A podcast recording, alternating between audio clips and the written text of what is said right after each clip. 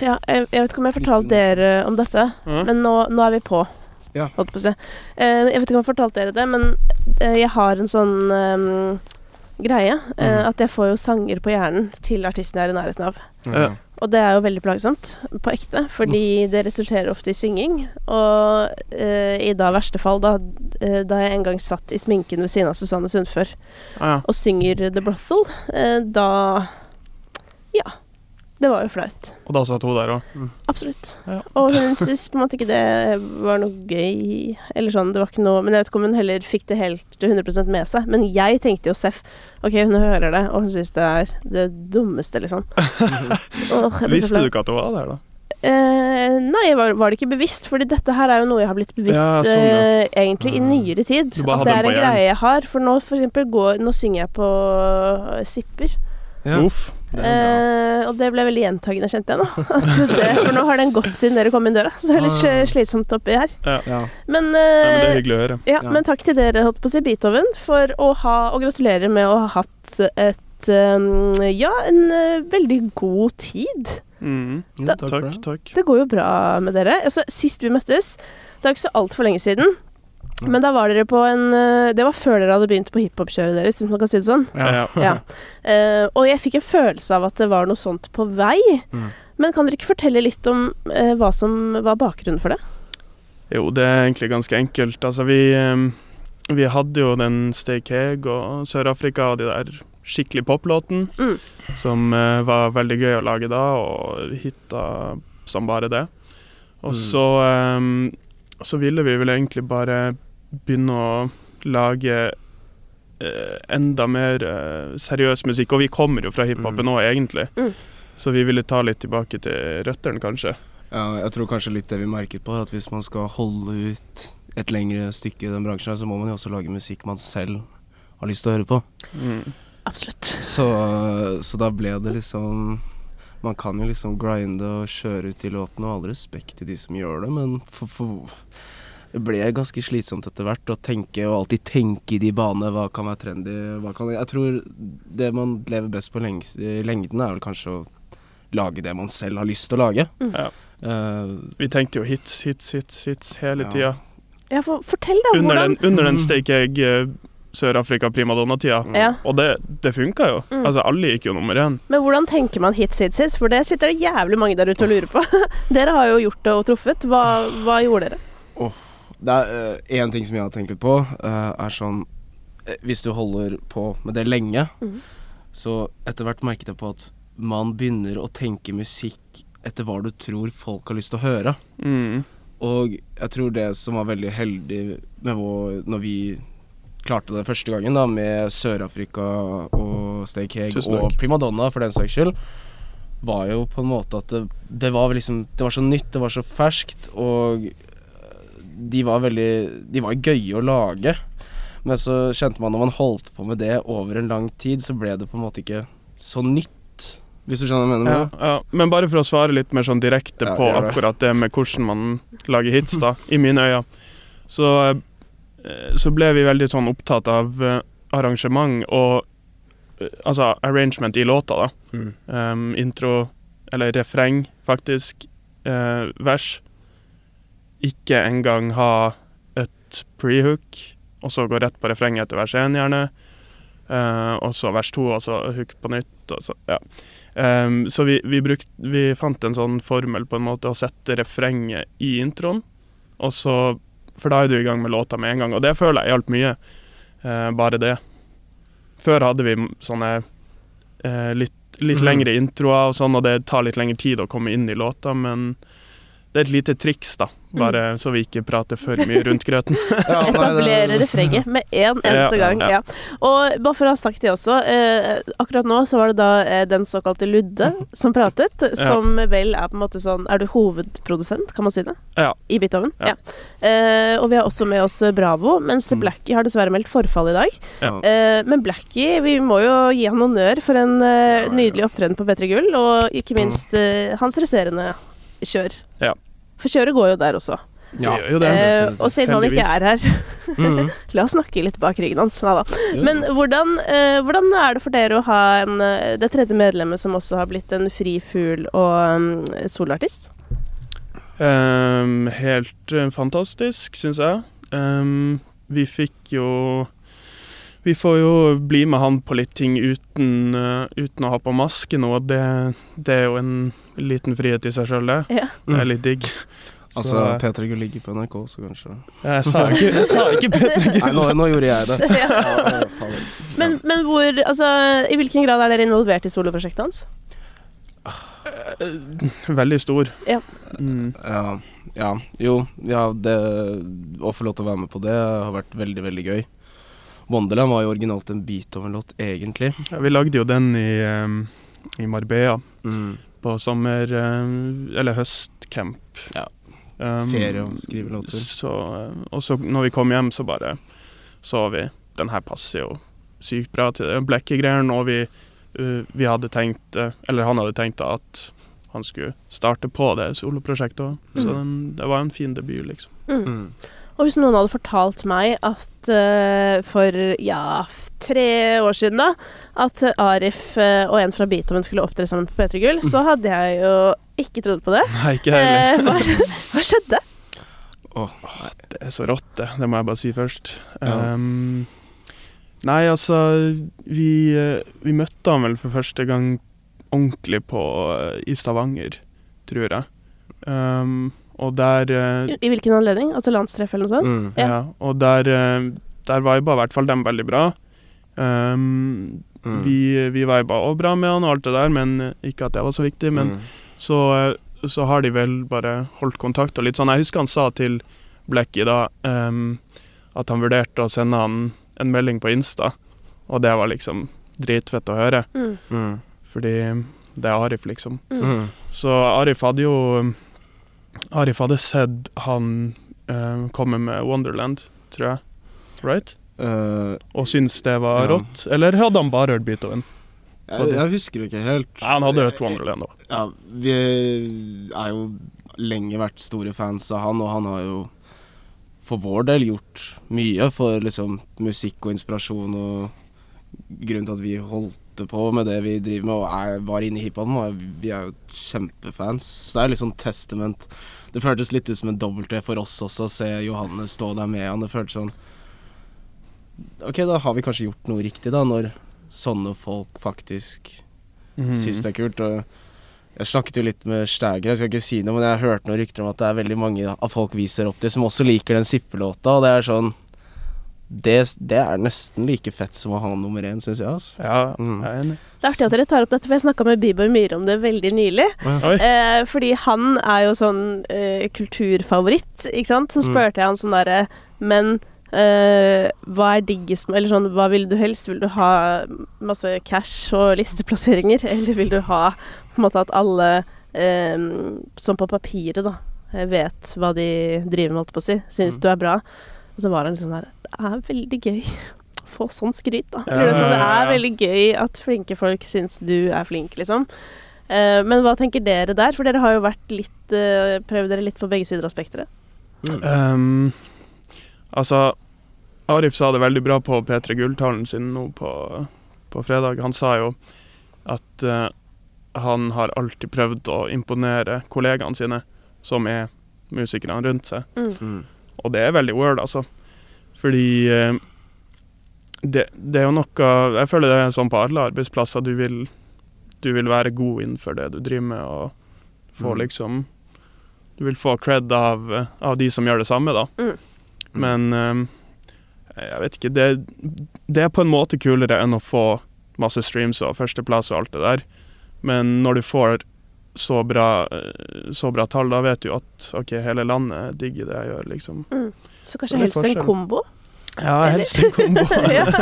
Ja, aller helst. Ja. Aller helst. Mm.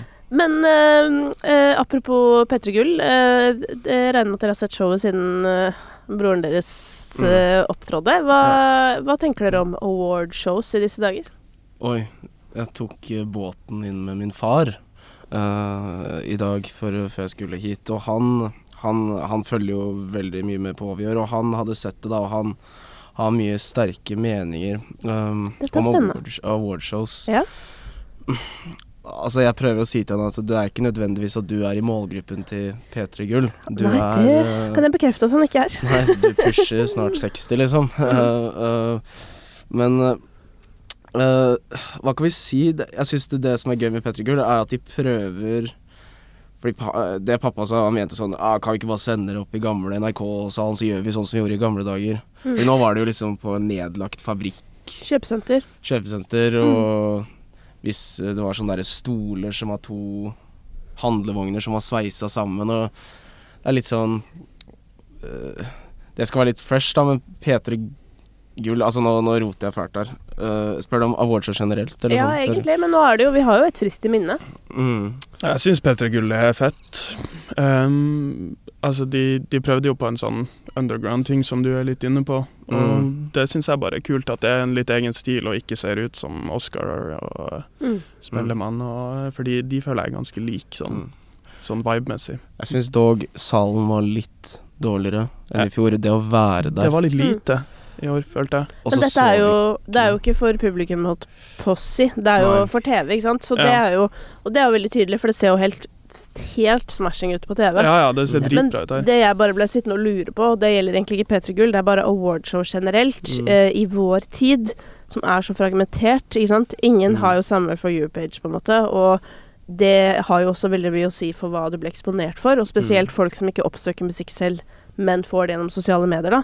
Eh, De får jo det de får, på en måte. Og det betyr jo igjen at eh, hvis de ser på et awardshow Altså, jeg mener det være seg Grammys, eh, Spellemann, P3 Gull i Sverige, Norge, altså hva enn, mm. så kan de risikere å ikke ha hørt noen av sangene før.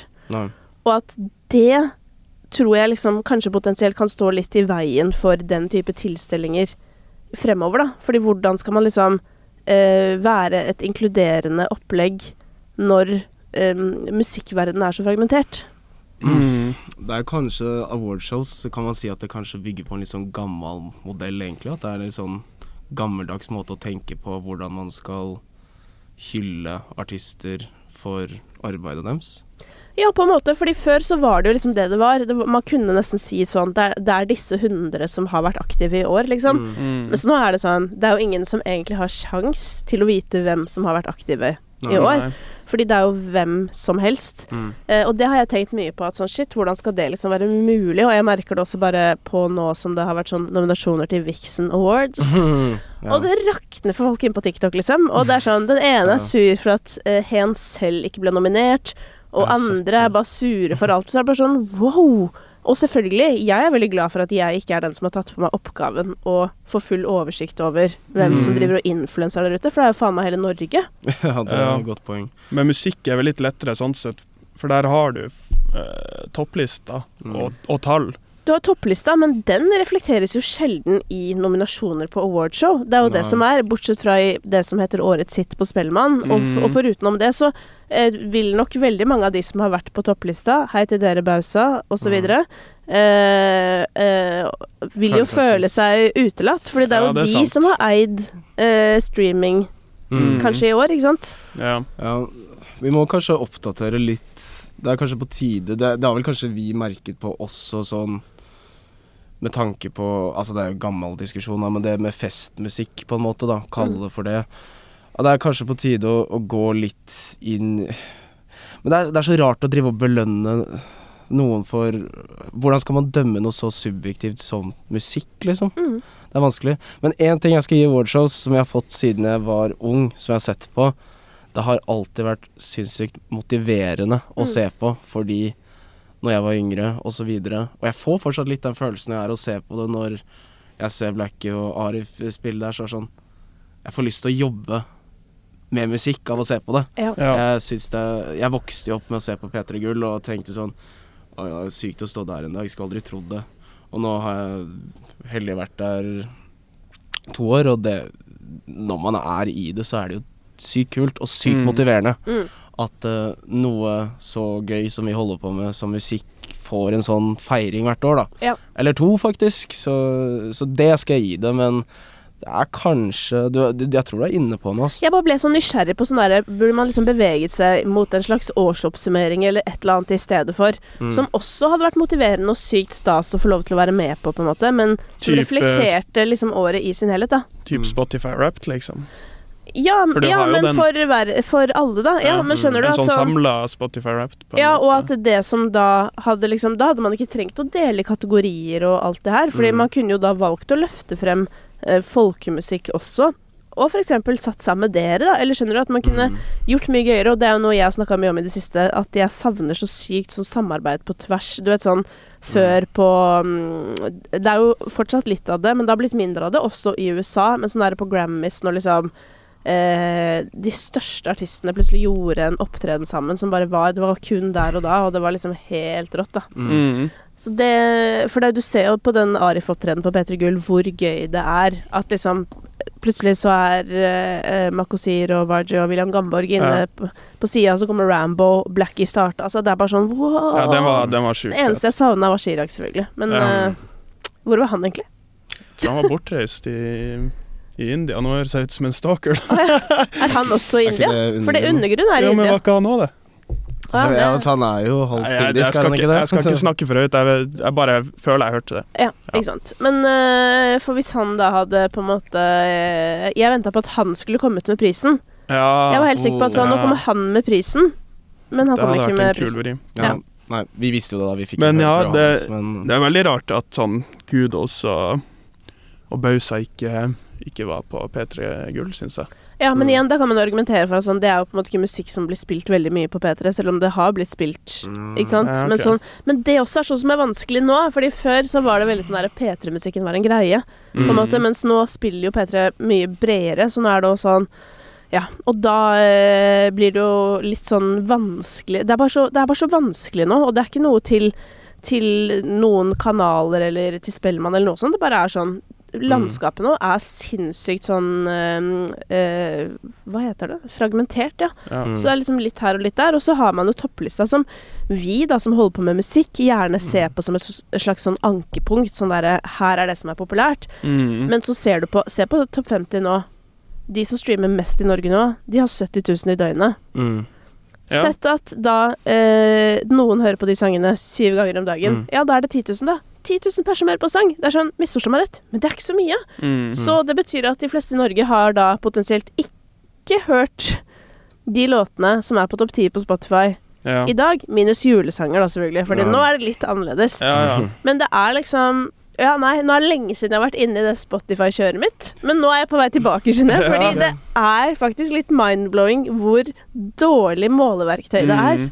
Husker du forrige sommer hvor mye hvor sinnssykt høye tall det var i forhold til akkurat nå? Ja. På, på nummer én, og, eller ikke bare nummer én, men hele, Ja, det- hele topp 50. Det meste da, Altså, vanligvis så ligger det jo på kanskje sånn rundt 120 eller noe hvis du er på Ja. førsteplass. Uh, mens nå er det sånn, ja, det var sånn 70 eller noe her om dagen. Jeg mener på, på det aller beste vi hadde, så var vi vel oppe i sånn 210 000 om dagen. Ja. Var På, det på på Sør-Afrika. Sør-Afrika. Ja. Sånn, som, som holdt seg Ja, gående, men det liksom. var jo litt Vi var jo så heldige å komme opp i en periode hvor det var et stort liksom hull da etter sosialt hull som skulle fylles. Ja. Eh, Vi traff veldig bra Så på, det var jo på sånn- timing. ja. Ja. jeg følte liksom det året så var det jo Ballin Det var Oscar på Tooji Det, var- det var så mange artister som kom opp det året. ja. Vi snakker nå om eh, post-covid, holdt jeg på å Ja, post-covid. Eh, hvor Og- Og, og TikTok som bare ja. Ja, TikTok, ja, Samtidig. TikTok funker jo ikke like bra lenger heller. Men tilbake til det du sa om Spotify, som også jeg har tenkt mye på med tanke på det som måleverktøy. Mm. Eh, det jeg har merket er at hvis du skal lykkes på Spotify, så må du fange kidsa. mm. Og da går det jo litt Når en jury på Spellemann bestående av folk over 30, jeg vet ikke hvor gammel, gammel juryen er, ja. Men Nei, den er veldig, den skal, det skal sies at den er ofte ganske variert, altså, for jeg har okay. sittet i mange av de. Så Ja. den er ikke så altfor gæren. Nei, jeg bare tenker på sånn Spotify som måleverktøy med tanke på hvor mye Fordi det jeg har hørt på Jeg hørte Gard si sånn der at eh, foreldre i sommer var det sånn For at de skulle slappe av, så bare setter de play på Badebussen. Jeg skal ikke si det, badebussen er kul, kul låt, men at kids står jo Jeg så rundt i sommer, kids står jo og hopper opp og ned til den sangen, og kids kan jo høre den 19 ganger på rad. Altså, jeg tror det var Baby Shark eh, 19 ganger hjemme hos meg i går. Ja, ikke sant?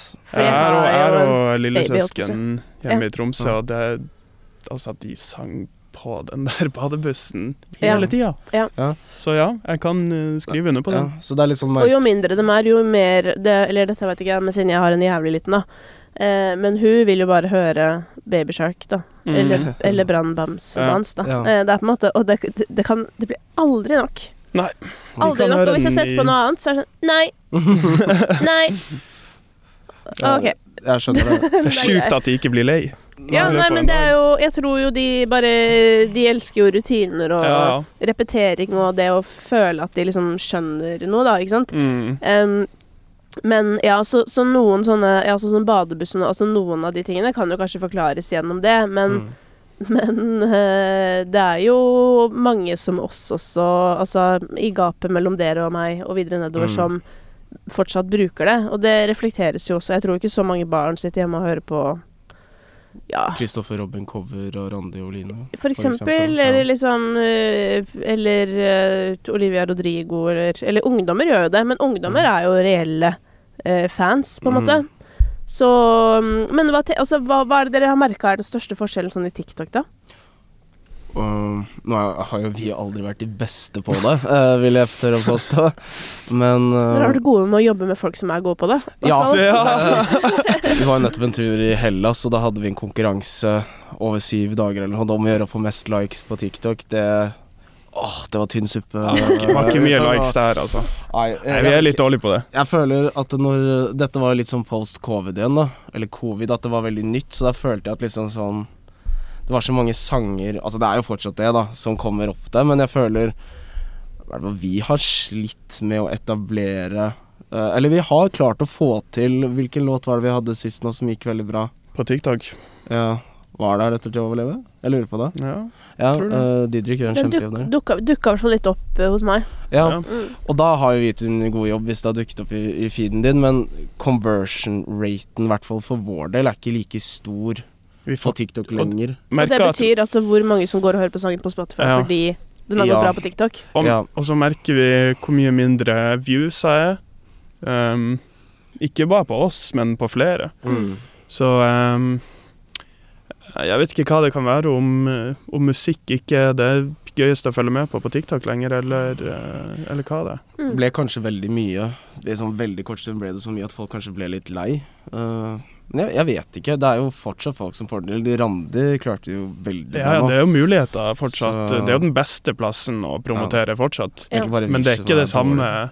Det er ikke den samme atombomba som det var etter covid der. Ja, kan hende bare at vi har falt av, da. Jeg kan være. Litt usikker her, altså. Men ja, men altså, hva, hva tror dere Jeg syns det er så gøy å høre hva dere tenker sånn øh, med Randi og Line, da. Hva, hva tror dere gjorde at hun fikk det til? Mm, Um, nei, altså En helt nydelig stemme, selvfølgelig. Og eh, altså, hun Nå har jo vi møtt henne, og hun bare føles så ekte og flink og bare brenner for det her. mm. Og, og elsker å synge. Og det, synd, det, det føler jeg man merker også på eh, Insta og TikTok. Og, og så, ja, jeg tror på henne når hun, når hun synger noe. Jeg tror hun traff en nerve. ja. Uh, veldig Det gjorde hun i hvert fall hos oss når vi hørte uh, hennes versjon Ja. av 'Er dette til å overleve' første gang. Så jeg tror kanskje det var litt Det traff liksom med en gang. Ja, fordi det er jo veldig spennende, fordi dere fant jo på en måte Randi og før folket. Mm. Uh, hvordan skjedde det? Og til de som ikke veit det, da, så har jo dere gitt ut en låt som vel nå Den er jo litt opp og nikker, i hvert fall litt fram og tilbake. Ja. Apropos lister. Ja. Eh, som heter 'Er dette til å overleve', og der er det altså Randi Oline som Mm. synger refrenget. Mm. Mm. Ja, øh, det er jo egentlig en Randi Oline-sang som vi tatt en sånn Kanye West-løsning på. Mm. Vi Ja, satt vel, Sampla refrenget. ja, det var vel egentlig bare noe vi satt og lekte oss med. Vi var og spilte noe afterski i fjor, oppe på Hovden. Hovden, ja. Og så hadde vi leid en hytte med noen venner, og så satt vi bare med PC-en. Og var det vel du som plutselig skulle vise, vise oss noe? Vise en idé. Vi hadde, jo, vi hadde jo sendt den låta til Randi i gruppechatten vår for mange måneder siden før det. Ja, Vi hadde jo hørt på den, originalen. Og så hadde vel jeg tatt den inn i, inn i FL Studio og lekt litt med den, og gutta syns det lille jeg hadde da fra start, var veldig kult. Hadde catcha med en gang. Mm. Da var jo hennes låt Vi tok bare refrenget, sampla det, pitcha det opp sånn fire semitons eller noe sånt. Mm. Og, um, Ble litt sånn Nora Brogstøt over det hele. Hvis dere skjønner. Det er veldig gammel Det- referanse, da. Men litt sånn uh, 60-talls, da. Eller Ja, noe sånt. Ja. ja. ja, vi, vi, vi prøvde jo å, å gjøre en trist låt, liksom, og gjøre den litt mer sånn festlig, da. Mm. For det syns vi er veldig kult, når, når beaten går an å være litt der til. Men eh, teksten er trist. Mm. Den kontrasten er kul. Men kan jeg bare spørre, hvor hadde du funnet Randioline? Det er det jeg liksom er så opptatt av. Hvordan- TikTok. Ja, det, det. Det var TikTok, ja. Ja. Mm. Så den Altså, originalen hadde ikke mye traction på TikTok, men eh, Eller det var Blackie som fikk den opp først, Mm. og sendte en TikTok til oss, og så begynte vi alle tre å høre på den, da, fordi den, Mm. den sangen bare var så fin. Mm. Den hadde ikke så mye hype, eller noe sånt, men den var flott. Jeg tror også Blackie og Randi har vært Fordi jeg tror begge to er fra Lillehammer. Så jeg Ja. tror de har vært i samme konfirmasjon en gang. For mange år Ja, for han, tilbake. kjent, det var, han kjente igjen ansiktet hennes eller noe sånt også. Ja, det, var var, noe- noen sånne merkelige greier ja. der. Random. Ja. ja. Nei, men så det var TikTok vi fant nå, så var det jo egentlig bare en sånn tullete greie. Men så var det noe med den som vi fikk lyst til å gjøre, da, så vi hørte med hun. Uh, og så Hun er jo veldig uh, Tekst for henne er veldig, veldig viktig, da.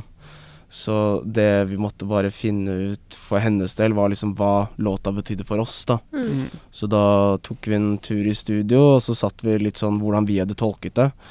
Og vi, i hvert fall jeg hadde jo tolket det det hun først hadde skrevet om. Det var ikke det jeg, sånn jeg valgte å tolke det. Eh, og så gikk vi noen runder med tekst sammen med henne. Veldig Veldig flink på akkurat det tekstgreiene. Hun er vel Limpi-student også. Ja.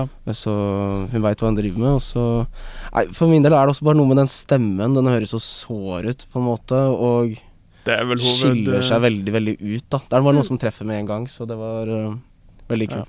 Ja. Det er vel Ja. egentlig mest av den stemmen og det er akkurat den topline der, eller det hooket som Det var derfor vi valgte å sample den. Og så Mm. syns vi jo det er veldig gøy å samarbeide med folk. Ja. Det, Mm.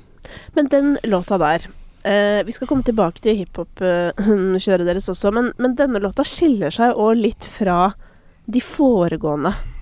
Eh, og jeg mener også, nå må dere rette på meg hvis jeg husker feil, men jeg mener at måten dere promoterte den på, var nesten litt sånn der en ny era-opplegg. ja. Vi valgte å ikke eh, promotere masken vår rundt det. Mm. Vi hadde ikke med, vi hadde ikke med oss engang i, um, i promoen, og vi Ja, du, du var jo veldig på det. Du kan kanskje prate litt om det. Ja, nei, det var litt min idé. En av tankene var at vi var litt dårlige på TikTok, så jeg føler sånn er, Blir folk bare lei med en gang de ser maskene våre? Så kanskje, hvis vi skal, hvis vi skal bli tatt seriøst med en sånn type sang, så var det kanskje litt lurt å teste farvannet ved å kanskje promotere det uten liksom at maskene våre skal være til stede, at vi heller prøver å finne en slags historie, da. Så da var det med Hadde en idé med Hossam Lawar, som eh, driver med film i Warner. Veldig dyktig type. Så jeg gikk noen runder med Warner-folka hvor vi planla litt at vi hadde lyst til å sette opp en, da, en festscene, få tre forskjellige personer. Og så rett og slett vise dette her at uh, folk som griner på klubb, eh, klubbmatta og danser, på en måte. uh, for jeg følte det var liksom en litt sånn Litt sånn nesten en symbolsk greie som jeg følte jeg får ut av låta. At det er vel Jeg tror veldig mange sånn har det også, at det, i hvert fall unge studenter som flyr rundt og ny helg og så videre, selv om man kanskje sitter på mye inni seg, da, så jeg følte det var, føltes veldig naturlig å gjøre det på den måten, så da fikk vi tre flinke amatørskuespillere og noen veldig flinke statister. Og så dro vi opp til um, Vet den Ekeberg-restauranten der? Mm. Det var rett ved Jeg husker ikke hva det stedet Jeg tror det er sånn en restaurant Christian Ringnes har som er rett vegg i vegg der. Uh, veldig hyggelig de som lot oss bruke det stedet, og da hadde vi vel en shoot-dag på jeg tror åtte timer at vi tok og filmet og spilte alt. Jeg sto på monitoren og ropte, og alle Det som var skikkelig gøy, var at alle tok det så Vi hadde liksom med så mange forskjellige folk som ikke kjente hverandre. Jeg var sikkert sånn åh, folk kommer sikkert til å synes dette her er skikkelig, skikkelig kleint.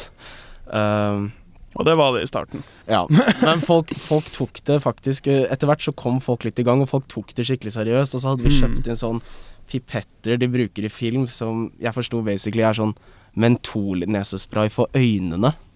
Som gjør at uh, du skal liksom ta litt under øynene, og det er en sånn kjemisk greie, så da bare renner det ned. Så Og Hvis- så der renner det tårer. ja, Mm. mye. Så hvis du sto og delte ut sånn der um, pipetter med det, så alle Gråt. står der alle, Det står liksom jeg vet ikke hvor mange det er, 30 stykker og bare griner alle og bare kjører på og ser som den triste gjengen. Ja, det var sjukt. Det ble kult, da. Veldig. Men hva, eh, er dette på en måte et slags eh, skifte i musikken også, eller var dette en sånn engangsgreie? Um, altså, vi, vi har litt sånn tankegang at vi vil alltid komme med noe nytt og ikke helt være på den safe Sånn som vi snakka om at vi drev og lagde Sør-Afrika og Stake Egg og hitsa, og safa det, liksom, og, og kom med samme sound hver gang. Vi syns det er veldig gøy å utforske forskjellige sounds. Og um, Så det vi har i banken nå, f.eks., Mm. som ikke er sluppet, det, det, mye av det høres ikke ut som noe vi har sluppet før også. Så vi fortsetter på den å utvikle sounden, men Ja. akkurat det med maske og gråtepipette, det vet jeg ikke hva som skjer med. Det kan hende må på pause. Ja. Ja. Nei, men jeg tror i hvert fall vi har snakket om det, vi to, at uh, hvis man skal holde ut lenge nok med det, så må man også gjøre det man selv har lyst til. Og siden vi satt der første gang for ett og et halvt år siden, jeg føler på den korte tiden der, så har vi blitt veldig mye eldre også. Mm. Uh, og det som gir kreativitet og motivasjon nå, er ikke det samme som det var for ett og et halvt år siden, hvis det gir noe Mm. mening. Mm. Så jeg tror Og snakke for meg selv, jeg syns jo det visuelle bilder Det syns jeg er veldig synd at folk ikke gidder å lage musikkvideo lenger. Må få Det er ikke folk som ikke gidder, det er jo folk som ikke gidder å se på. Og derfor Ja. kan man ikke ta seg friheten, eller ta seg økonomien til å gjøre det. Nei, det er jo veldig dyrt også, Mm. og tar veldig mye tid. Men for min del så har jo alltid det bilder og musikk går hånd i hanske, for min del. Mm. Så jeg har jo veldig lyst nå fremover å utforske mer det sånn visuelle aspektet av det. Og så da kombinere det med at vi gjør musikk For jeg føler at hver gang man lager en sang man har lagd før, det er, det er ikke så gøy, det. Man har alltid lyst til å prøve noe nytt, og det er alltid det som gir mest. Hvis man går og lager en jazzlåt som man aldri har lagt før, så trenger det ikke være en bra jazzlåt, men hvis det høres i hvert fall litt ut som jazz, så gir det veldig mye sånn Hm, jeg har lagd en jazzlåt, ass. Kult. Det er sånn Utforske da nye, og så syns jeg det der å putte I musikk skal man putte alt i sjanger hele tiden, osv. Mm. Syns det er en veldig unødvendig greie, egentlig. Syns jo òg man blir en mye bedre musiker av å prøve å lage alt. Fordi da, til slutt, når du kan lage veldig mange sjangre, eh, så kan du liksom begynne å blande, da. Og det, det syns jo vi er kult, å Mm. blande litt. Og, for det, det er da du får på en måte frem noe som ikke har blitt lagd før. Ja. Og det er jo veldig vanskelig i dag. Mm. Apropos, dere har jo Jeg må si at um, jeg syns det har vært veldig gøy å se hvordan dere har utvikla dere, og at dere har klart å faktisk bringe liksom deler av Musikk-Norge nesten litt sammen. Eh, fra to uh, I hvert fall noe som tidligere opplevde som helt ytterpunkter. Mm. Nemlig at trioen bak Stay Keg eh, skulle ende opp med å gi ut musikk sammen med- sammen med Dior og Tyr. Det føles Mm. veldig Um, annerledes, og Mm. det er veldig gøy. Jeg elsker jo alt som er annerledes. Ja. Men uh, kan dere fortelle litt om hvordan dere liksom eh, jobba? Altså, var det krevende? Hvordan går man til Døtti eh, og på en måte forteller sånn Ja, vi lagde det da.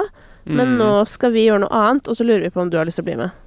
Altså, akkurat det var ikke så vanskelig, faktisk. Vi hadde vært i, i Igjen, vi hadde vært i Marbella.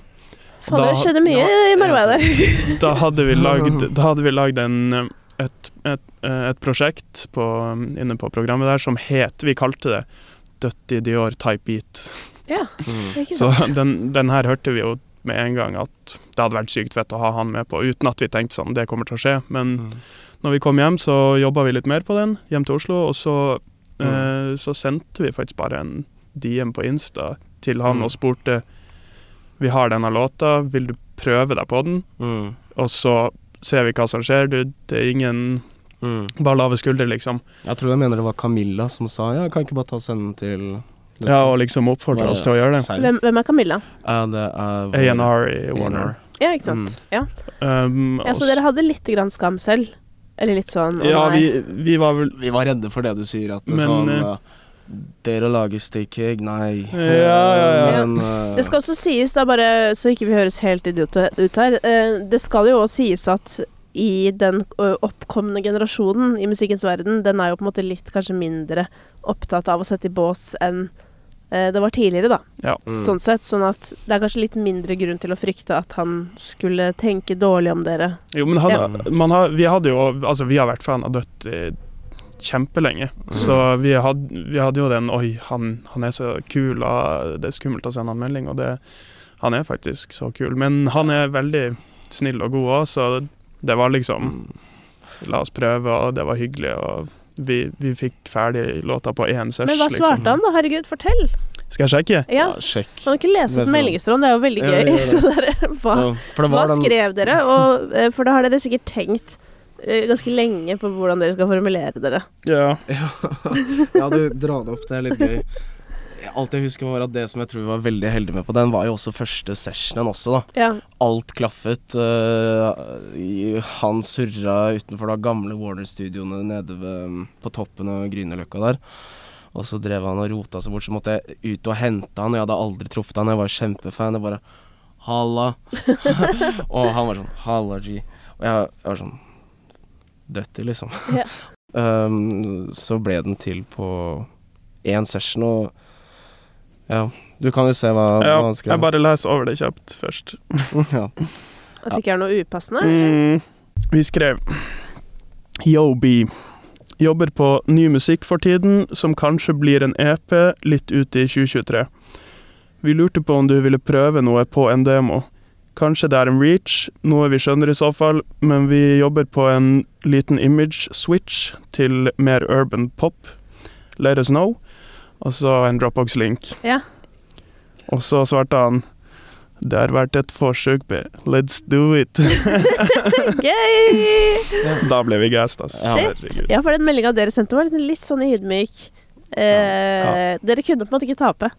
Nei, Nei. egentlig ikke. Så det er bare å prøve. det, Go det for kan man jo aldri, da, skal sies. Mm. Men dere, dere formulerte dere også sånn at dersom han hadde sagt nei, så hadde dere fortsatt ikke Ja.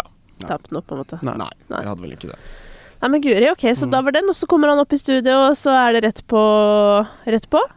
Ja, det var ganske rett på, var det ikke det? Jo, Det var litt prating og litt Vi hadde kjøpt inn litt uh, seltzer og Nei, vi hadde ikke gjort det. det Nei, var det- du- du gikk og kjøpte det? Ja, kom. fordi vi kom opp der, og så var det jo litt sånn stivt kanskje, siden folk uh, uh, ikke kjente hverandre. Og så var det vel ja, Jeg husker ikke hvem det var som sa fordi at han begynte å rekke, og så sa han sånn Jeg tror han sa kan du ikke, kan du ikke dra og handle noe greier, så jeg løp og kjøpte noe seltzer og kom tilbake, og så jobba vi bare til det ble basically ferdig. Eh, og så Det fløyt veldig bra. ja, vi ble, vi ble på en måte ganske close på veldig, veldig kort tid. Mm. Og Dutty har vært veldig kul på. Han har jo blitt med på mye ting, og ja, jeg tror han liker å jobbe med oss, og vi digger å jobbe med han, så Mm. Jeg tror vi skal jobbe mer sammen. For å si Så den sånn. meldinga der, eh, den skal vi ikke angre på. Nei. Nei, nei guri. Ja. Men eh, apropos det, altså apropos dette med, å, med seltzer, holdt jeg på å si. Eh, nå har det jo vært sånn der eh, Har dere fått med dere det at det er sånn diskusjon Mm. om eh, artister ikke skal få alkohol på raider? Ja. På Nei, det har ikke jeg sett. Jeg så det var Ja. mamma som sa det til meg. Ja. At de, at de skal nekte alkohol, for det er så mye Men- alkohol fra før av i bransjen. Bare på kulturhus. Ja, det var i hvert fall kultur, for at de har vel sikkert Nå skal ikke jeg Ikke sant, nå begir jeg meg ut på noe greier her jeg ikke har helt peiling på. Mm. Ehm, Men jeg tror at kulturhusene kan samarbeide, eller et eller annet sånt. At det er noe med det. Mm. Så det er Ja. de det handler om nå, først og fremst. Der føler jeg det allerede har vært sånn litt no go på alkohol. Vi har spilt i noen kulturhus. Ja, men det er ofte U18, vet du. Ah, ja, ja. Det er ikke så rart. Men hva tenker dere om det, liksom? Altså sånn Sånn generelt, da. Ja, Eller bare generelt sånn der, Er det viktig å ha alkohol på selve raideren? Mm.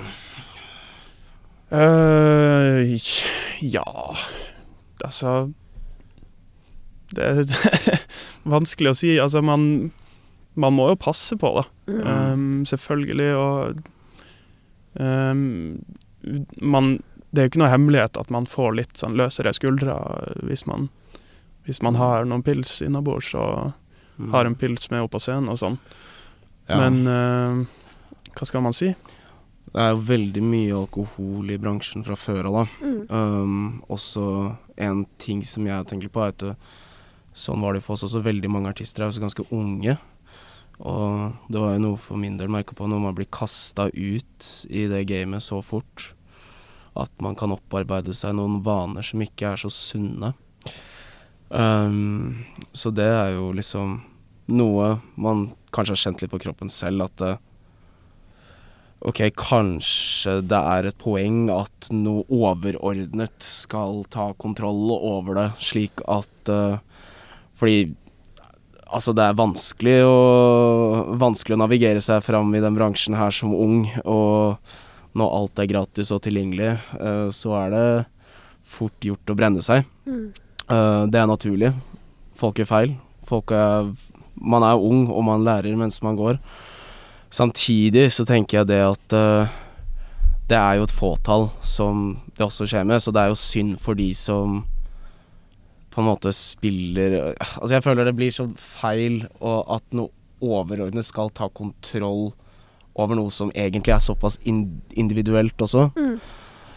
Jeg vet ikke, ass. Det er vanskelig Det er spørsmål. vrien, ja, for jeg leste sånn Det er jo en sånn Facebook-gruppe eh, som heter Bransjeapparat, som er sånn der, eh, bare sånn musikkbransje-Facebook-gruppe, hvor det var en liten sånn diskusjon under, da.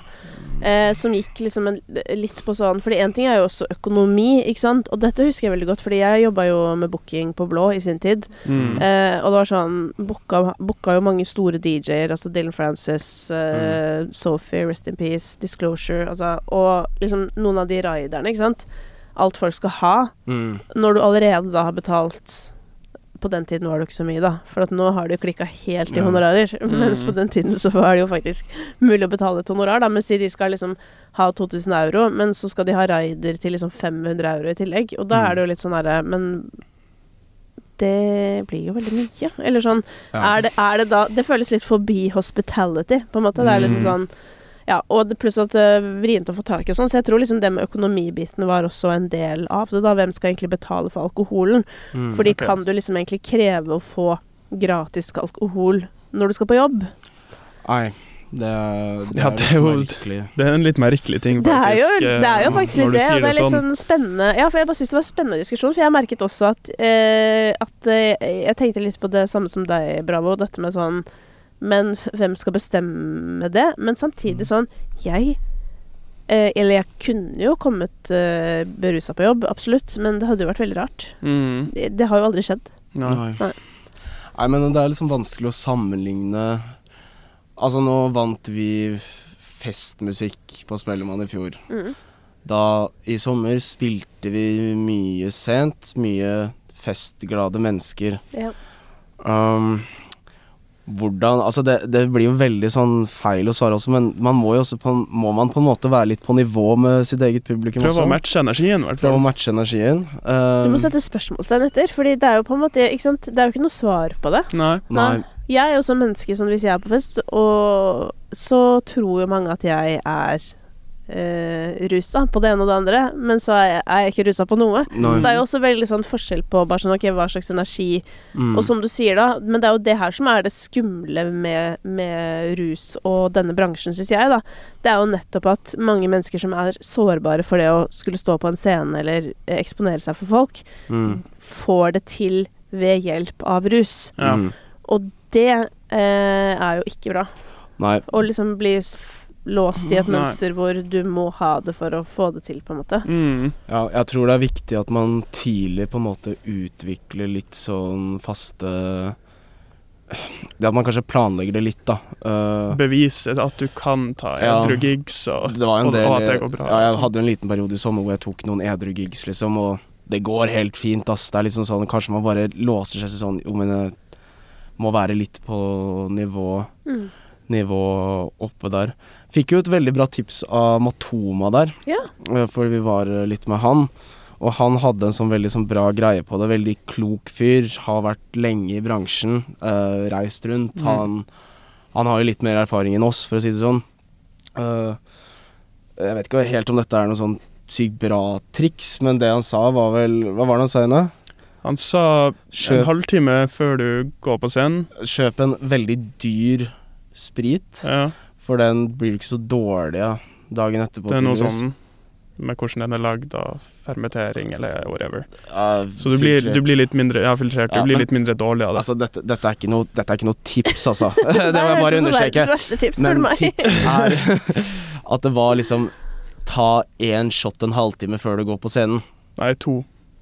Ja, det, ja, altså dette, dette er ikke noe tips, altså, men det var i hvert fall en sånn Jeg skjønner ikke helt hvordan jeg skal bake dette her som en sånn bra argument. Poenget- Det, det er et dårlig argument. Poenget var drikk mindre, Ja, poenget Ja, var egentlig okay. drikk mindre, da. Ja. Uh, men ta deg en koseshot, liksom. Det, ja, men det sier seg som selv. løsner litt opp i skuldra, hvis du trenger. Ja. Men igjen, det, det jeg sa, du må, du må klare å bevise til deg sjøl at du kan gjøre edru-gigs, og at det går bra. Mm. Og at du kommer deg ut av det uten å um, Uten å engste og alt det der. For Mm. da, da må du jo jobbe med det, Mm. føler Ja. jeg da. Også hvis du spiller fire ganger eh, i uka en sommer, Ja. og du gjør det til en vane å drikke hver gang, så er mm. det på fylla fire dager i uka i to måneder. Mm. Det er ikke bra. Nei, personlig syns jeg det høres ut som et mareritt. Mm. Men, Ja. eh, men samtidig så skjønner jeg jo òg eh, på en måte livsstilen deres, og det er litt sånn derre Ting har gått veldig fort. Så får du de mulighetene eh, som dere nå har, eh, plutselig ut på hele den Ja, ja ut og reise, da. Kose seg. Og, og på en måte sånn Dere har jo forpliktelser, men den eneste forpliktelsen deres er jo knytta til eh, dette prosjektet, på en Mm. måte, da. Selv om dere sikkert har familier og sånn, Men dere skjønner hva jeg mener. Mm. Og selvfølgelig, da kan man jo på en måte bare gripe alt og alle muligheter med begge hender. Mm. Så det er jo også lett å forstå at det skjer. Mm. Det vil jeg si. Ja. Men hvordan er dere på de tingene her i studio, da? Alkohol og sånn. Ja, og rutiner og Det har blitt mye, mye mindre Mm. uh, enn det det Vi har lært veldig mye på, på denne tida. Det var, altså alt var nytt og veldig gøy i starten, og man fikk masse oppmerksomhet og blowa og fikk litt Hver dag var en feiring, liksom. Ja. ja. Eh, også gøy å dra i studio med nye artister og drikke, liksom, men ja, det er vel veldig sjelden at det skjer nå, egentlig. Nå er det mer eh, Ja, kan vi stikke og jobbe på en mandag, en tirsdag og en onsdag, og så sitter vi fint og bare jobber med det, og Jeg vet ikke, det var Det er kanskje litt derfor òg vi ikke lager like mye festmusikk. Jeg vet Nei, ikke. det er et blir- veldig godt poeng. Hver dag i studio er ikke en fest lenger. Nei. Nei. Det er litt mer fokus og Ja. Ja. Sånn som når vi lagde Sør-Afrika, det var jo etter vi hadde spilt den kuleste gigen vi hadde gjort noensinne, og så skulle vi feire det ved å dra i studio og drikke, liksom. Mm. Og så lagde vi den, men ja, det skjer jo Og stemninga var dritgod. Don't get this wrong, liksom. Ja. Det, var, det var gøy, og, og, det, og det Mm. gjenspeiles i sangene, men, Ja. men det, er ikke, det er ikke bærekraftig, nei. Man, Nei. eh, man, må, man må lære av det og, Ja. og roe ned etter hvert. Men Ja, fordi det er jo litt sånn Ikke sant, En ting er jo hvis man holder på med dette litt sånn på fritiden og stikker i studio en gang iblant, liksom, og så ble, ble det en fest, og så er jo det greit nok, men sånn eh, så er det plutselig jobben deres, da. ja. Mm. Eh, og noe dere helst burde gjøre hver dag, da, fordi mm. dere må trene, Mm. holdt på å si. Mm. Ehm, når var det dere på en måte skjønte litt sånn her at sånn shit, nå er dette jobb Dette er jobb. Sånn når, jobben, når vi følte liksom. oss liksom trygge i å ha det som jobb. Begynne Ja. å ta det seriøst, Ja. For min del var vel kanskje på vårpartiet nå litt før. Jeg Eh, føler det var når vi begynte å få såpass mye med konserter at eh, At liksom lønna sto godt til. Skjønner du? Jo, ja.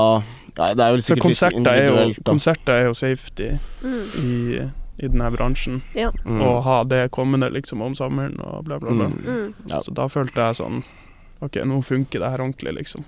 Jeg forsto i hvert fall litt før på vårparten at nå er det på tide å ta dette litt seriøst også. På den tiden så var alt bare gøy og Men det er også en jobb, på en måte, så det var litt digg å få den før sommeren, egentlig. Mm.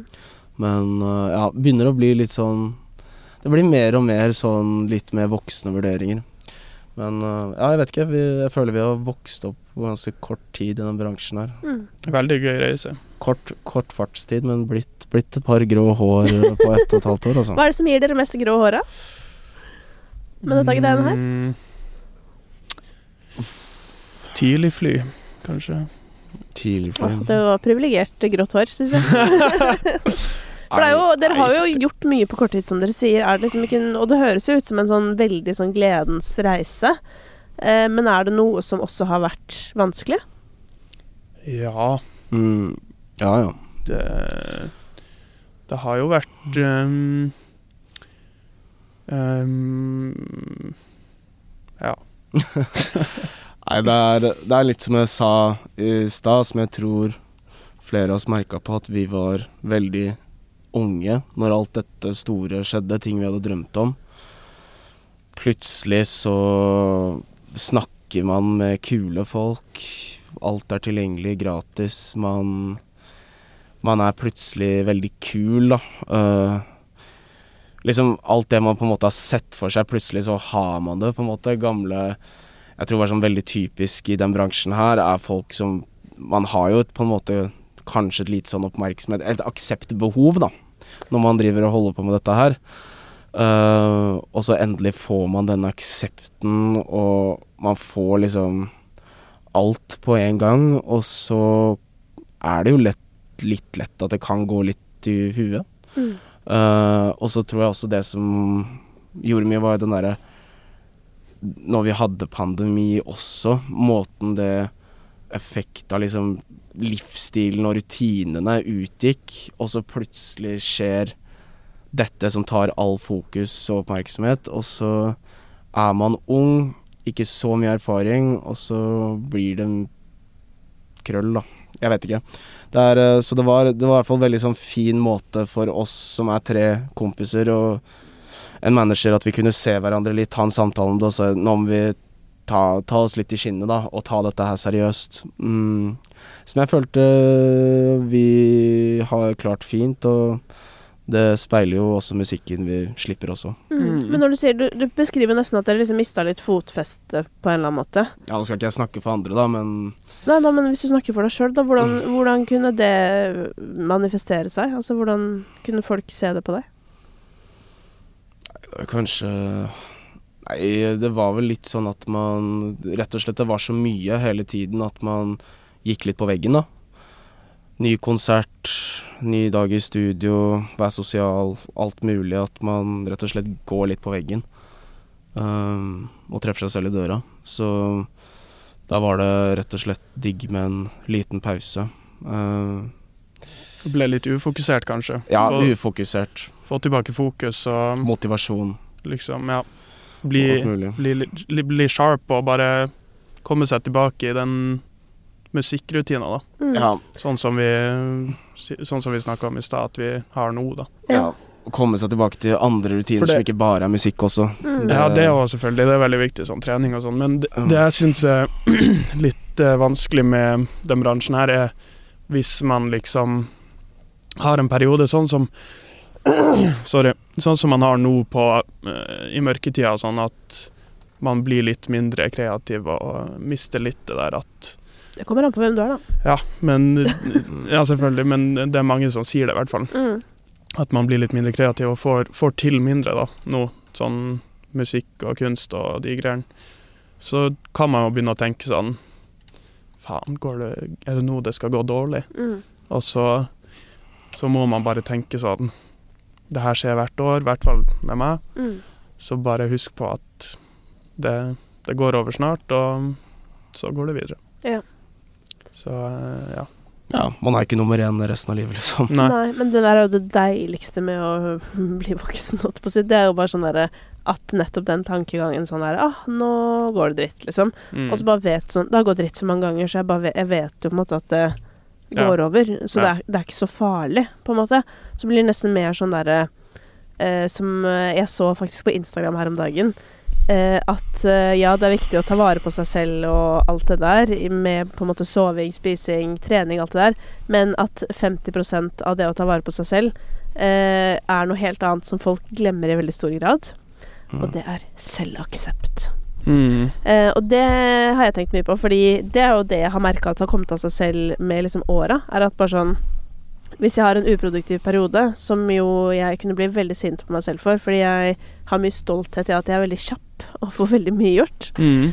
Eh, og sånn som nå, da, sånn der, akkurat denne uka vi sitter her, så har jeg alenemor i en uke. Eller gressenke, eller hva de kaller det. Mm. Og da vet jeg at sånn eh, Fram til klokka ni og fra tre til klokka sju, liksom, så kommer jeg ikke til å få gjort noe i en uke. Sånn uansett hva. Mm. Og det er veldig vanskelig for meg å håndtere, holdt på å si. Men jeg Ja. må bare akseptere det. Ja. For jeg får ikke gjort en dritt med det. Så det er sånn OK. Og det som er, det som er deilig å kjenne på etter hvert som jeg er blitt bedre på sånn å akseptere eh, hva skal jeg si, mindre produktive perioder, da, som jeg ofte omtaler dårlige perioder som, det er at eh, da går det mye kjappere tilbake. Bare plutselig så bare Oi, se der, ja. Der så Mm. kommer ideen igjen, ikke sant. Ja. Mm. Og det er det som er så deilig. Og dere er jo liksom Som dere sier selv òg, dere er jo liksom eh, nye på en måte fortsatt, da. Mm. Eh, Så det er jo nesten litt rart å høre sånn shit, hvor mye som faktisk skjer oppi huet Mm. på så kort tid, bare. Ja. Men igjen så må dere jo huske dere lever jo veldig ekstremen av et liv, da, når dere lever sånn som dere gjør. Mm. Så det er heller ikke så rart, Nei. kanskje. Da går det litt uh, unna i svingene. Ja. Ja. ja. Nei, men jeg tror i hvert fall det blir eh, Altså, man lærer fort, da. Og det Ja. tror jeg gjelder for veldig mange artister også, så det er bare å ja, Det er liksom sånn Det er, det er sånn skole Det er nesten som å gå en skole. Du lærer mens du går, altså. Ja. Så Livets harde. livets harde. Ja. Ja, men det er jo det. Apropos Livets harde skole, eh, og en annen artist dere har jobba med, jeg vet ikke om det var i år, men det kom i hvert fall ut eh, i år, hvis jeg ikke tar helt feil. Mm. Eh, og det er jo Tyr. Ja. Han eh, later jo til å ha gått Livets harde skole, og eh, det har jo vært for min del personlig en glede å følge det han har gjort de siste par åra. Mm. Jeg har jo fulgt han siden han var 14-15 og Wonder the Boy, på en måte. Mm, Så det var mm. sånn Endelig, på en eller annen måte. Føles så forløsende. Ja. Eh, og det dere gjorde sammen, det er jo veldig sånn apropos å gå en annen retning, da. Ja. Der er dere Det er vel kanskje så langt unna eh, Sør-Afrika som dere har kommet. Ja, ja, det det tror jeg òg. For det var på en måte overraskende hardt.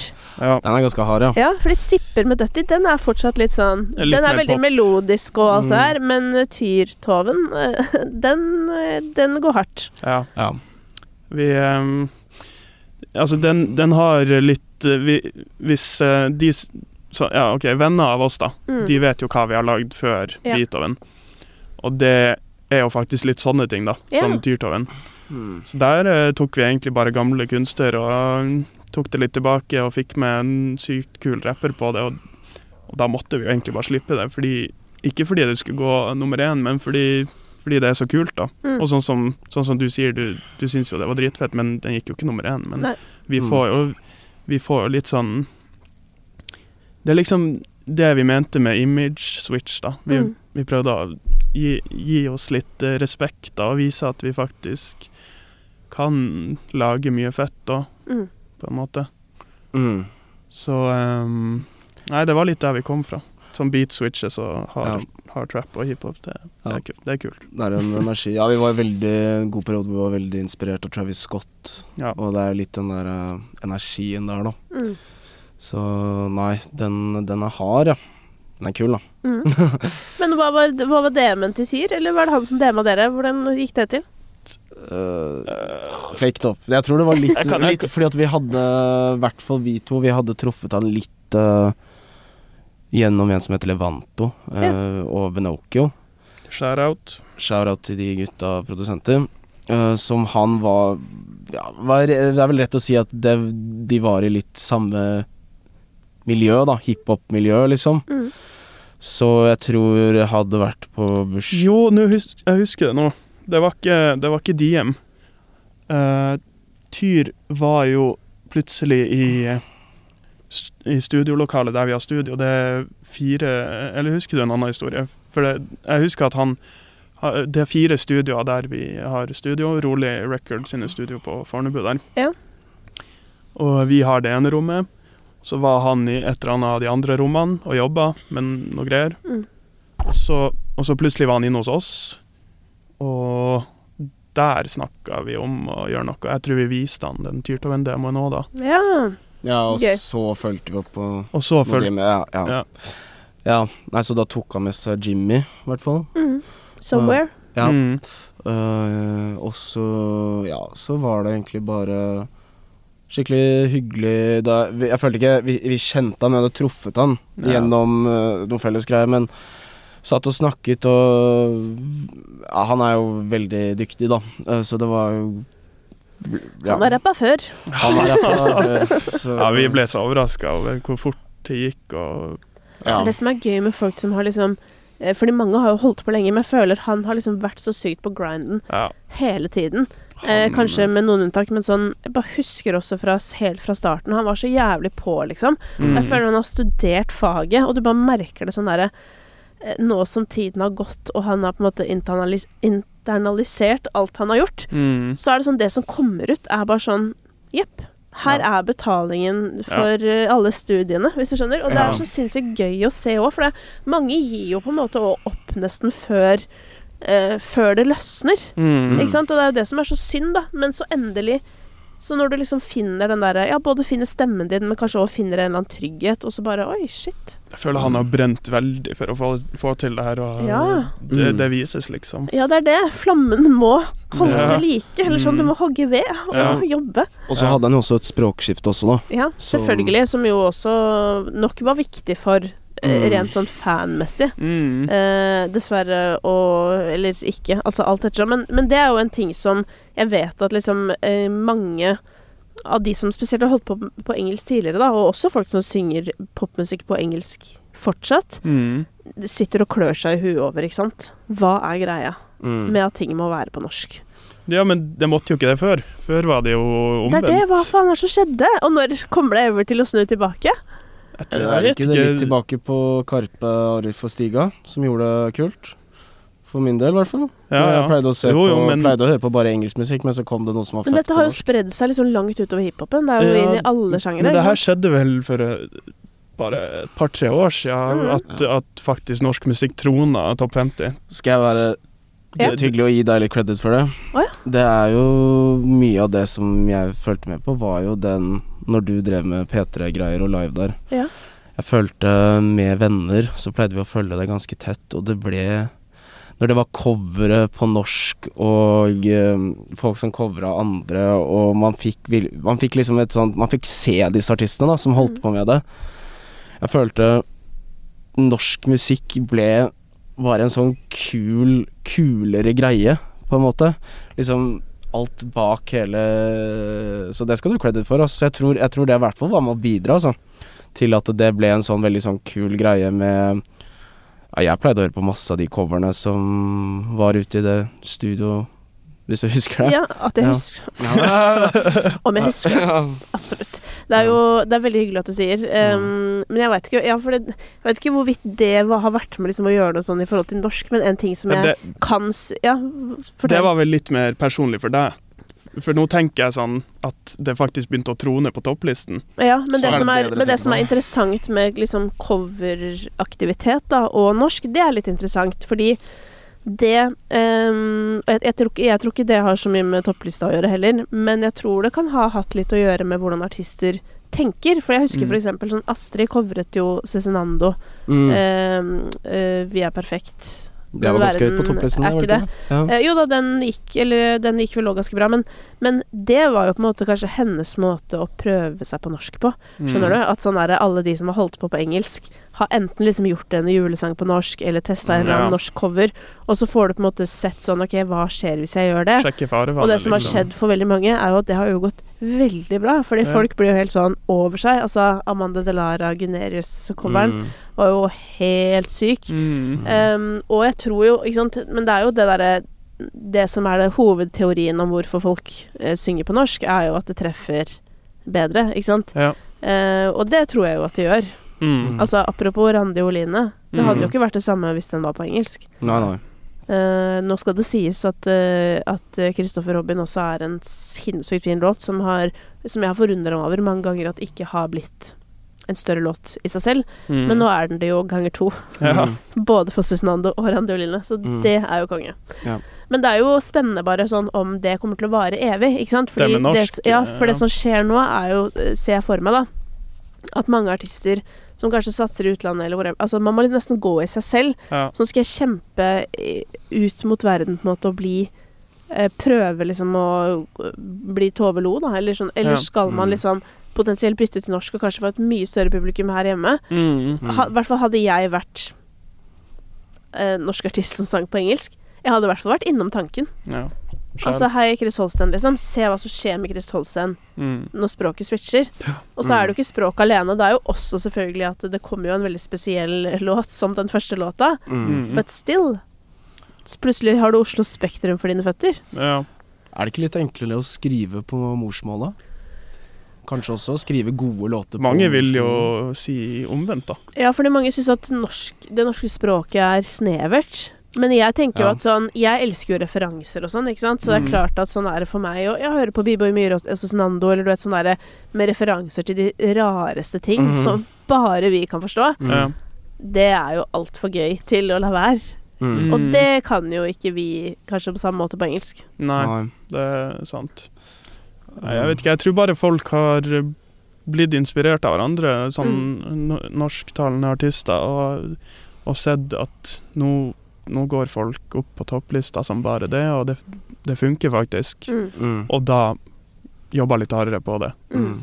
Og så lyst- ble det bedre musikk da også. Ja. Mm. For jeg får jo lyst til å si også sånn sett at sånn eh, Jeg føler jeg har lært en ting av denne samtalen. Eh, igjen, da, for jeg har lært det før òg, men som kanskje andre kan lære også. Det er jo litt at dere eh, starta jo med å gjøre som alle andre, på en måte. Mm. Ikke sant? Dere starta med 'Vi skal lage hits'. Ja. Og, det der. og så går dere da og lager altså Tyrtoven, da, for å dra det lengst ut, veldig sånn hard hiphop, som ja, det er jo populært i verden, men det er ikke spesielt populært her hjemme. Mm. Eh, men dere står i det, og dere tar de valgene.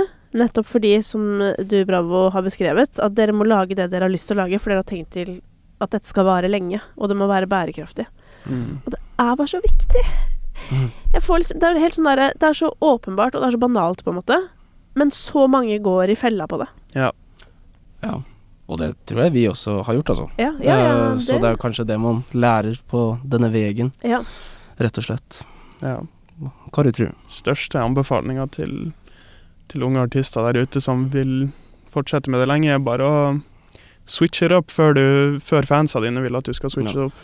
Ha det gøy, har du tro på det selv, så er det lett for andre også å få troen på det. Mm. Og der er du inne på noe veldig viktig, da. Mm. Ja, fordi vi har jo, for å si det mildt, ikke lyst til å høre på noe dere selv ikke har troen på. Og det er, jo- ja, men det, også er jo så, det er jo også så banalt, men det er jo der så mye ligger. Tenk på hvor Altså sånn derre det, det skinner igjennom, ikke sant? Mm. Eh, og, og dessuten, da, det som skjer òg når dere gjør det dere er keen på å gjøre, er at sånn OK, så gikk ikke den låta sånn dere hadde håpa, da. Ja, samme det. Det var jo kjipt, liksom. Folk Mm. følger ikke med, eller whatever. Kjedelig, det, men dere syns jo det er dritfett og kan glede dere til å spille den live Mm. i all tid fremover. Så blir det bare så mye lettere å stå i da, enn å gi ut en låt som dere syns var ræva og ingen likte. Ja, Mm. det er et tips til diskografien til artister også, altså. tenk på de sangene du skal slippe. Du skal kose deg med den på, om et år også. Ja, På scenen. Ja. Der har vi slitt litt med um, en viss låt. Å ja, stekeegg? ja. Ja, for jeg syns det hadde vært rart hvis dere sleit med Sør-Afrika, Fordi det er en Nei, nei, banger, den- på en måte. ja. Den syns vi sjøl er en banger. Ja. Nei, altså, Steak Egg er jo en banger, vi skal ikke ta noe fra det, men den var jo vans... Det er liksom vi, Når vi reiser rundt og spiller sett, så tar vi jo den med, fordi Ja. alle kan den jo, og det Ja. er jo veldig, veldig gøy. Mm. Men det er litt sånn skal spille Tyrtoven samme sett, altså det er jo pu- pub, pu- pu- hva publikum der, liksom.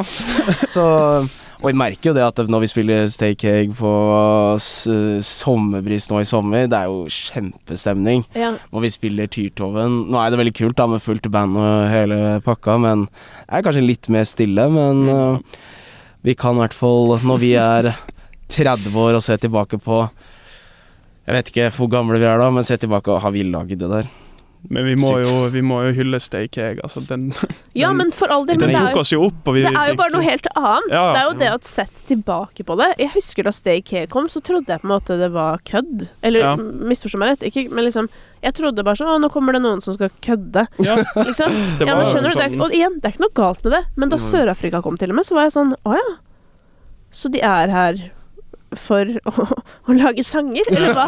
Ja, skjønner du? For det er jo litt sånn Det er jo vanskelig å eh, forstå. Det er jo litt sånn der ved at man eh, knytter seg til noen. Dette sa Amanda Delara litt om til meg, og det synes jeg var veldig fint det her med at, at hun har liksom villet vente med å knytte seg til noen andre artister, da, før hun liksom selv er Amanda Delara, og alle vet det. mm. Og der var jo dere sånn sett eh, Gikk jo litt i en felle og Mm. knytta dere til noen Ja. som var veldig kjent på TikTok. Ja. Eh, og så ble jo på en måte det greia, og det var derfor det igjen virka som sånn Å ja, nå skal noen fra TikTok lage noe sånn Ja. musikkødd. Og det var jo lættis òg, for det var jævlig mye lættis innhold rundt hele greia.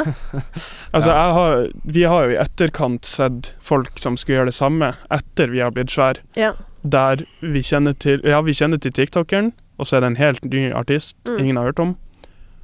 Og det var akkurat det vi gjorde for eh, folk flest. Og det Jeg må innrømme, det så veldig rart ut. Og det, Ja. det var litt sånn Det her er tiktokeren sin låt. Vi følte jo masse eierskap Ja. til Stay Cake når den kom, men eh, Ja. nå etterpå skjønner jeg jo at folk så på den som en Henrik van Grogg-låt, liksom. Men vi trodde jo heller ikke at det skulle bli så stort, da. Vi hadde masker, vi skulle gjøre dette her anonymt, og bare se hvordan det er å ha et litt sånn hitprosjekt ved siden av. Så skal vi gå våre egne veier. Altså, Blackie har gjort det, og vi har ja, vi, sku, vi skulle òg lage egne artister Ja. og eh, alt det der. Men sånn som for min del nå, og kanskje din del også, at nå kan vi ikke bare gjøre det med Beethoven? Jo. Og bare forandre, forandre Gjøre det til vår kreative greie, på en måte. Ja. Kontra Apropos det. Hva, hva står neste på lista? Hvem som skal ta maska, liksom. Nei Altså, nei, nå sa vel dere at skjer. dere skulle gjøre det, deres prosjekter i Beethoven, eller skal dere også bli Å ja, nei, altså det, det er ingenting som er planlagt der. Nei. Men eh, Vi går vel kan annenhver dag. kan en, Ja, vi går annenhver dag og vil ta hva annenhver dag og ikke vil ta. På sist, på sist, på sist gang på fredag så sto vel vi og sa Nei, vi dropper det. Ja. ja. ja. Det går jo, det går jo veldig ambivalent, berg-og-dal-bane. Men uh, neste på lista for Hvithoven, det Nei, det gjenstår å se. Jeg tror ikke Det er litt hemmelig, egentlig.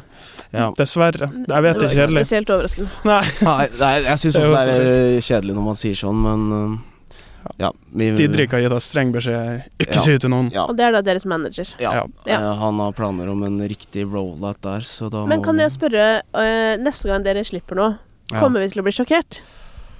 Øh, sjokkert. Uh, Ja. Hvilken grad sjokkert? Nei, det var jo Tyrtoven, for eksempel. Var jo, det var sjokkerende er kanskje å dra den langt, men det var jo overraskende. Uh, ja, man kommer til å bli overraska, vil jeg si. Mm. Ja. ja. Og så For det, det som hadde vært veldig overraskende, hadde jo vært hvis dere eksempel slapp en låt med Dagny. Skjønner du? Det hadde vært, oh. eller det hadde vært sjokkerende. nei. Det hadde vært fett. Der catcha Ja. du oss. Det hadde Nei vært da. ja. Ja, men jeg Ja. føler det er jo på en måte liksom neste, fordi dere gjør så uforventa ting. Så. ja. Jeg vokste opp i samme gate som hun i Tromsø. ja. Det er litt artig. Vi har vært i, vi har vært i hagen hennes, har vi ikke det? Jo. Viste meg det. Ikke si det på lufta, da. Jeg sa det til ja, ja, ja. Men jeg sa det til Ja, ja, Dagny ja. på Fetergull. Ikke sant. Ja. Ja, men da venter vi på overraskelsen, da. Ja. Når kommer den, da? Er det lov å si? Nei, det blir neste år, da. Ja, det blir neste Ja, det blir ikke i år. Ja. Nå skal Beethoven ha juleferie. Ja, Skal ikke drive og krangle med Mariah Carey og de folka der nå. Det, det går ikke. det er dømt til å tape det, så Nei, vi får se. Ja, når tenker dere, når er det innafor å begynne å slippe igjen? Januar. Ja, Men Mm. tidlig eller sent? Ehm, ikke 1. januar, kanskje. Nei. Men ehm, Fra, Uka- uka fra uke etter. to og ja, utover? uke to utover, vil jeg Ja. si. Det er greit. Den duren. Ja. Mm. Men før man kan slippe musikk, så må man også lage den. Det stemmer. Mhm. Så lykke til med det. Takk. Takk skal du ha. Og takk for at dere tok dere tid til å komme. Takk for at vi fikk komme. Ja, takk for at vi kom. Hilse Blackie. Det skal vi gjøre. Gjøre. Eh, og så gleder vi oss til å følge med på det prosjektet også. Yes. Ha det! Hei da. Hi, this is Paige from Giggly Squad, and I want to talk to you about Splash Refresher and my water intake. Okay, so you guys obviously know that I'm a hydrated girly, but sometimes when you drink that much water, it starts to just taste bland, and you're just like, I need something to spice it up. That's why I love Splash Refresher. It has zero sugar, zero calories, and it's a splash of sweetness. And they come in five different flavors. They're so good. Wild berry, acai grape, pineapple mango, lemon, and mandarin orange. My favorite is the wild berry because I just I just love a berry. So if you're like me and you're drinking water all day, then try Splash Refresher. It's going to absolutely change your water game and it's good for you. ACAST powers the world's best podcasts. Here's a show that we recommend. The Real Housewives is a guilty pleasure for most, but if you're looking to not feel guilty about that pleasure, tune in to Everything Iconic with me, Danny Pellegrino, where I break down all the messy moments and behind the scenes antics of Bravo's popular franchise. And on Everything Iconic, I also interview celebrity guests like Kelly Ripa, Kiki Palmer, Drew Barrymore, Cameron Diaz, and more about their guilty pleasures, their past work, and so much more. So if you're pop culture obsessed and find yourself watching way too much reality TV like me, tune in to Everything Iconic with Danny Pellegrino wherever you listen to podcasts. ACAST helps creators launch, grow, and monetize their podcasts everywhere. ACAST.com.